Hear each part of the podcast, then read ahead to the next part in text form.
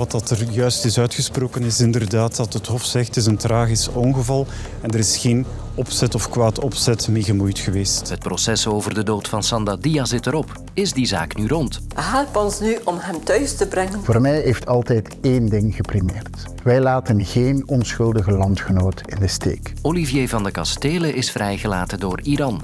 Eind goed, al goed? Dat boezemt mij tegelijkertijd angst in en anderzijds vind ik dat zeer fascinerend. Ja. Want dat zou betekenen dat je hersenen rechtstreeks zouden kunnen communiceren met een computer. Ja, het is gewoon heel sci-fi dat je als persoon gehackt kunt worden. En Elon Musk mag hersenchips testen op mensen. Wat levert dat op?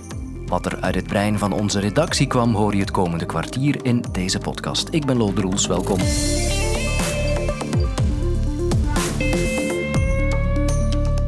Denk dat er een rechtvaardig arrest eh, is gewezen vandaag. Dat gebaseerd is op feiten en niet op schijn. De 18 leden van studentenclub Reuzegom, die terecht stonden voor de dood van Sanda Dia, kennen hun straf. Die student kwam vijf jaar geleden om het leven bij een extreem doopritueel.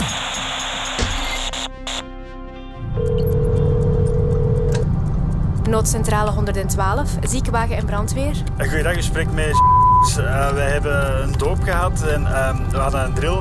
En eh, een van onze mensen die gedoopt werd, is uh, flauw gevallen. Uh, Er is natuurlijk al veel gezegd en geschreven over Reuzegom, een studentenclub die toch eh, elitair wordt genoemd. Vooral hun dopen staan bekend als extreem. En in 2018 loopt het ook eh, helemaal verkeerd af. En dan stuit de politie ook op de bidon visolie. De schachten moesten een goudvis doorslikken en levend uitbraken door van de visolie te drinken. Sanda had veel van die visolie gedronken, de vis kwam er bij hem niet uit. Achteraf blijkt dat Sanda 468 milliliter visolie moet gedronken hebben. Bijna een halve liter. Een student van de Katholieke Universiteit in Leuven ligt in kritieke toestand in het ziekenhuis na een uit de hand gelopen studentendoop. Op 7 december 2018, om 15.19 uur, overlijdt Sandadia. 18 leden van de vroegere studentenclub Reuzegom moeten voor de rechter komen. Ik ben heel boos en hoop dat de recht gaat geschieden. Collega Filip Heijmans, je hebt dat proces gevolgd. Wat is het verdict van de rechter? Wel, de, de rechter heeft de reuzengommers allemaal schuldig bevonden. Het was een beetje onduidelijk, omdat eh, ja, zij speelden uit dat uh, niet iedereen er heel nauw bij betrokken was. Maar het Hof van Beroep zegt van kijk, jullie waren allemaal betrokken bij die doop, dus we gaan jullie allemaal schuldig verklaren. En dan is het een beetje kijken waaraan ze precies schuldig zijn. Uh, niet aan de zwaarste kwalificatie, dat was het toedienen van giftige stoffen met de dood tot gevolg. Want, zegt het Hof van Beroep, het gaat over die vissaus, die, die heel zoute vissaus waaraan Sandadia gestorven is. Maar ja, zegt het Hof van Beroep, dat is een stof die vrij te krijgen is in de winkel. En zelfs voor dokters is niet altijd duidelijk wat de dodelijke dosis is. Dus je kunt het eigenlijk geen giftige stof noemen. Daarom worden ze daar ook niet schuldig aan bevonden. Ze worden wel schuldig bevonden aan uh, onopzettelijke slagen en verwondingen met de dood tot gevolg. Dat, dat, dat klinkt moeilijk, maar het komt er eigenlijk op neer dat ze onvoorzichtig zijn geweest. En dat er, omdat zij onvoorzichtig waren, een ongeluk is gebeurd waardoor Sandadia er niet meer is. Ja, en welke straf hangt daar dan aan vast? Ze hebben allemaal werkstraffen gekregen tussen de 200 en de 300 uur. De, de twee hoofdverdachten, zeg maar, de prezes en de schachtentemmer van de, de club, die krijgen 300 uur werkstraf. En de andere straffen tussen de 200 en de 300. Met daarnaast nog een boete. En uh, ze kunnen kiezen tussen een boete of een gevangenisstraf van 15 dagen. En als ze die uh, werkstraf niet gaan doen, dan komt er in ruil een gevangenisstraf bij. Was dit nu wat de aanklager gevraagd had? Nee, uh, niet helemaal. Die had toch uh, straffen gevraagd tot 50 maanden gevangenis. Dus die had wel gevangenisstraf gevraagd voor de zwaarste. Voor, voor de, de lichtere, ja, degene die volgens hem er minder bij betrokken waren, had hij wel lichtere straffen gevraagd. Dus het zijn lichtere straffen dan er gevraagd was, maar ook wel zwaardere straffen dan de reuzengommers zelf hadden gevraagd. Want daar vroegen de meesten dan weer de vrijspraak. Dus het zit ergens tussen de twee in. Je bent daar aan het gerechtsgebouw. Zijn er al reacties die je hebt kunnen horen? Ja, uh, de, de reuzengommers, eigenlijk horen we daar bij iedereen van hier kunnen we mee leven. Uh, zelfs degenen die de vrijspraak hadden gevraagd zeggen het is jammer dat die vrijspraak er niet is gekomen, maar we vinden dit een redelijk oordeel, een werkstraf. Dat is iets wat we kunnen aanvaarden. Uh, aan de kant van de familie van Sandadia, daar heeft de advocaat Sven Marie gezegd dat er voor hen het jammer is dat er nog veel vragen onbeantwoord blijven. Wie heeft precies welke rol gespeeld die avond? Welke verantwoordelijkheid heeft iedereen gehad? Daar hebben we vooral nog altijd geen antwoord op. Daar is stilzwijgen gebleven. Daar hebben ze elkaar beschermd, zegt Marie. Dus dat is heel jammer. Maar allemaal zeggen ze wel van laat het hier nu mee gedaan zijn, laat het hiermee stoppen, wij gaan niet in cassatie. Dat is de vraag inderdaad. Hè. Betekent dit nu het einde van die hele zaak? Daar ziet het naar uit. Ja, ze moeten het allemaal nog eens grondig bespreken, want het hele arrest is hier niet voorgelezen, maar een heel klein stukje, dus ze willen eens het hele arrest lezen. Maar eigenlijk heeft niemand zin om deze leidersweg, die nu toch al vier jaar duurt, om die nog eens één, twee jaar langer te laten duren door in cassatie te gaan, misschien nog een nieuw proces te krijgen. Ik denk dat iedereen opgelucht is dat het erop zit, ook al is misschien niet iedereen heel blij met het eindresultaat. En die uitspraak in de zaak Sandadia was nog maar net bekend of het breaking news stroomde alweer binnen hier op de redactie. Want premier De Croo kwam plots met een videoboodschap. Die videoboodschap van De Croo, waar komt die? Mark, kunnen we dat opladen? Ja, ik zal het in het systeem steken. Ja. Op dit moment is onze landgenoot Olivier van de Kastelen onderweg naar België. Als alles goed loopt, zal hij vanavond bij ons zijn. Eindelijk vrij. Olivier van de Kastelen, de Belg die meer dan een jaar onschuldig gevangen zat in Iran, is vrij. Hij is geruild voor een Iraanse gevangene en is onderweg naar België. Zijn terugkeer is een opluchting voor zijn familie, vrienden en collega's.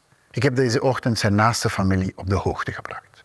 En ik wil ook hier persoonlijk en namens de hele regering hulde brengen aan de moed en de kracht van zijn familie. 455 dagen zijn er verstreken sinds Olivier van de Kastelen in Iran in de cel terecht kwam. En al die tijd was hij nooit ver uit het nieuws. De zaak hing maandenlang tussen hoop en wanhoop.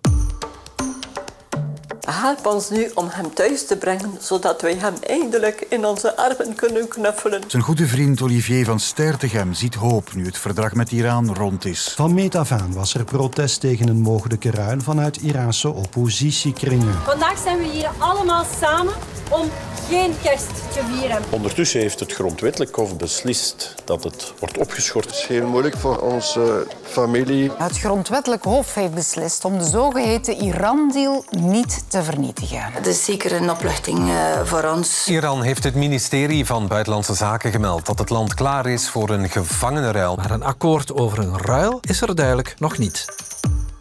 Maar nu is die doorbraker dus wel. We wisten dat het nieuws er ging aankomen en we wisten ook dat we het niet op voorhand zouden weten. Dit is mijn collega Inge Franke. Zij volgde 455 dagen lang de zaak van de kastelen. Ja, zo'n vrijlatingen en gevangenisruil is zo gevoelig en zo delicaat dat echt niemand op voorhand communiceert. En zij kan mij helder uitleggen welke diplomatieke mechanismen er precies voor gezorgd hebben dat Van de Kastelen nu eindelijk vrij is.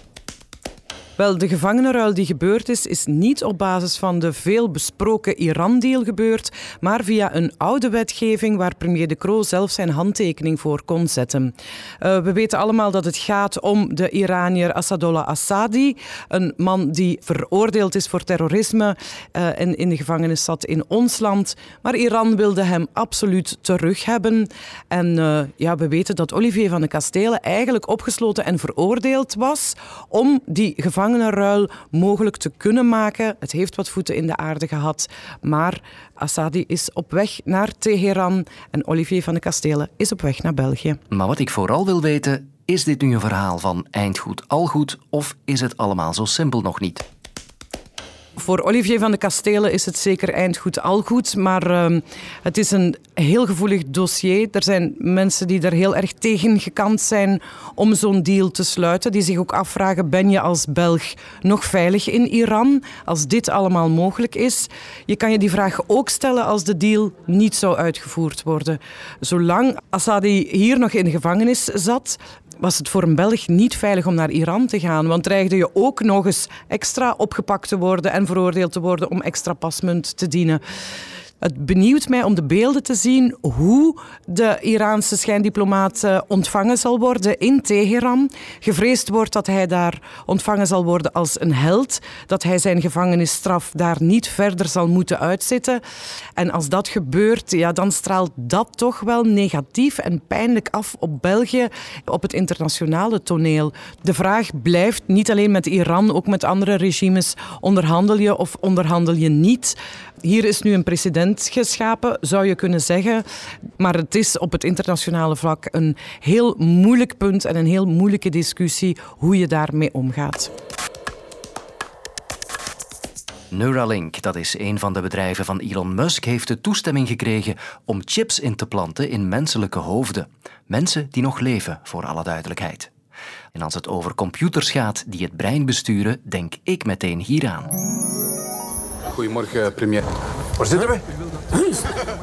We zitten in de zevende dag. Oh nee, dan is het zondag. De legendarische sketch in Alles kan beter, waarin het gedrag van premier Jean-Luc Dehane gestuurd wordt door enkele mannetjes in zijn hoofd. Je wil stadslijsten in Brussel tegen het Vlaams Blok, klopt dat?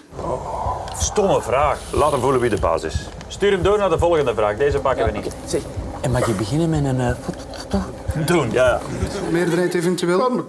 Ondanks het laatste zinnetje. Heel eerlijk gezegd, uh, je doet niet precies dat dat het belangrijkste politiek probleem van het moment is. Uh, laten we over uh, andere dingen praten. Wordt ook ons brein binnenkort bestuurd door anderen? Of gaan we zelf dingen op afstand kunnen aansturen met onze hersenen? Ik roep de hulp in van de wetenschap. Ik ben uh, Peter Janssen, dus neurofysioloog aan de KU Leuven. Hoe ver staat die technologie eigenlijk al? Eigenlijk gebeurt het lang, alleen het nieuwe is dat Elon Musk een ander soort technologie heeft om die microelektrodes in te brengen. Dat dit implantaat ook volledig zou onder de huid zou gelegen zijn. Dus dat is zeker een groot uh, voordeel. kwestie van risico van infectie of beschadigingen of dergelijke. En het zijn ook veel uh, dunnere elektrodes. En wat levert dit onderzoek van Elon Musk dan op? Musk heeft natuurlijk een, een groter bereik uh, qua media, maar er zijn zeker heel wat mensen daarmee bezig. En dat zal het onderzoek en de klinische toepassing ongetwijfeld in een stroomverstelling brengen. De belangrijkste toepassingen zullen zijn bij ruggenmergletsels. Ja, een aantal jaar geleden was het voor mij een belangrijk doel om staand weer een biertje te kunnen drinken met, uh, met vrienden.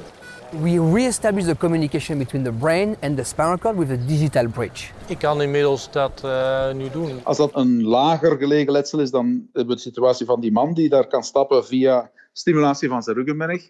Als dat letsel hoger gelegen is, dat als de patiënt ook zijn armen niet meer kan bewegen, dan denk ik dat er veel zal gebeuren om het ruggenmergletsel eigenlijk te bypassen en de hersenen ofwel via een computer met een robot te verbinden, ofwel met de eigen spieren, ja, of met de eigen zenuwen. Want natuurlijk, die commando's kunnen ook omgezet worden in elektrische stimulatie en dan zou de patiënt eigenlijk de eigen zenuwen, die nog wel intact zijn, zelf kunnen aansturen en opnieuw zijn arm kunnen bewegen. En dan het tweede domein is voor de blinden. Elon and his team at Neuralink have recently made the claim that their brain implant technology will be able to cure blindness. Even if someone has never had vision ever, we, we believe they can, they, they can, we can still restore vision. Die mensen, die, hun hersenen zijn nog wel uh, volledig intact en die kunnen dus dingen terugzien. Daar is de laatste tijd ook heel wat publicaties over geweest, zelfs één implantatie bij de mens,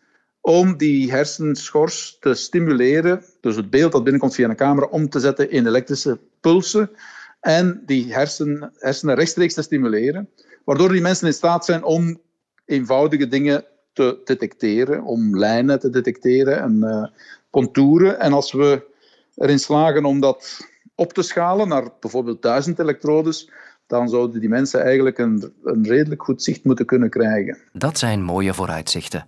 Maar zo'n chip in je hoofd, hoe veilig is dat eigenlijk? Ik ben Dave Singelé, ik ben onderzoeksmanager aan de KU Leuven in een onderzoeksgroep gespecialiseerd in, in cybersecurity en cryptografie. Ah, kijk, dat is de man die ik zoek. Ik denk altijd dat je naar zoiets eigenlijk dubbel moet kijken. Dus vooruitgang in de medische technologie in die zaken heeft zeker ook heel veel voordelen. Dus ik denk dat we dat nooit mogen vergeten. Maar vanuit een cybersecurity standpunt is dat natuurlijk altijd een redelijk kritisch toestel. En heb je eigenlijk een aantal problemen. Zo'n chip maakt eigenlijk communicatie tussen, tussen je hersenen en eigenlijk een computer of een smartphone. Dus ja, elke mogelijke link dat er is, kan altijd natuurlijk door een aanvaller misbruikt worden als er ergens een, een beveiligingsprobleem zit. Een ander belangrijk aspect is denk ik ook privacy. Als je ergens van op afstand communicatie kan maken met je hersenen, is er, kan je mogelijk ook wel gevoelige informatie van iemand te weten komen. Bijvoorbeeld is die persoon zenuwachtig of wat zijn zijn bepaalde emoties. Als je dat denk van op afstand kan, kan te weten komen, is dat misschien iets dat, dat je als, als drager van zo'n implant niet graag zou hebben. Geen microchips of kleine mannetjes in mijn hoofd voorlopig. Deze woorden komen dus enkel en alleen uit mijn brein. Dieu. Wat is er? Geblokkeerd, hè? We zijn geblokkeerd. Maandag zijn we er niet, feestdag weet je wel. Dus we horen elkaar terug in het kwartier komende dinsdag. Tot dan. Is dat veelbesproken boek nu wel of niet leesbaar? Joris Hessels en Annelies Moons zoeken het voor je uit in de boekenpodcast Leesbaar nu in de app van VRT Max.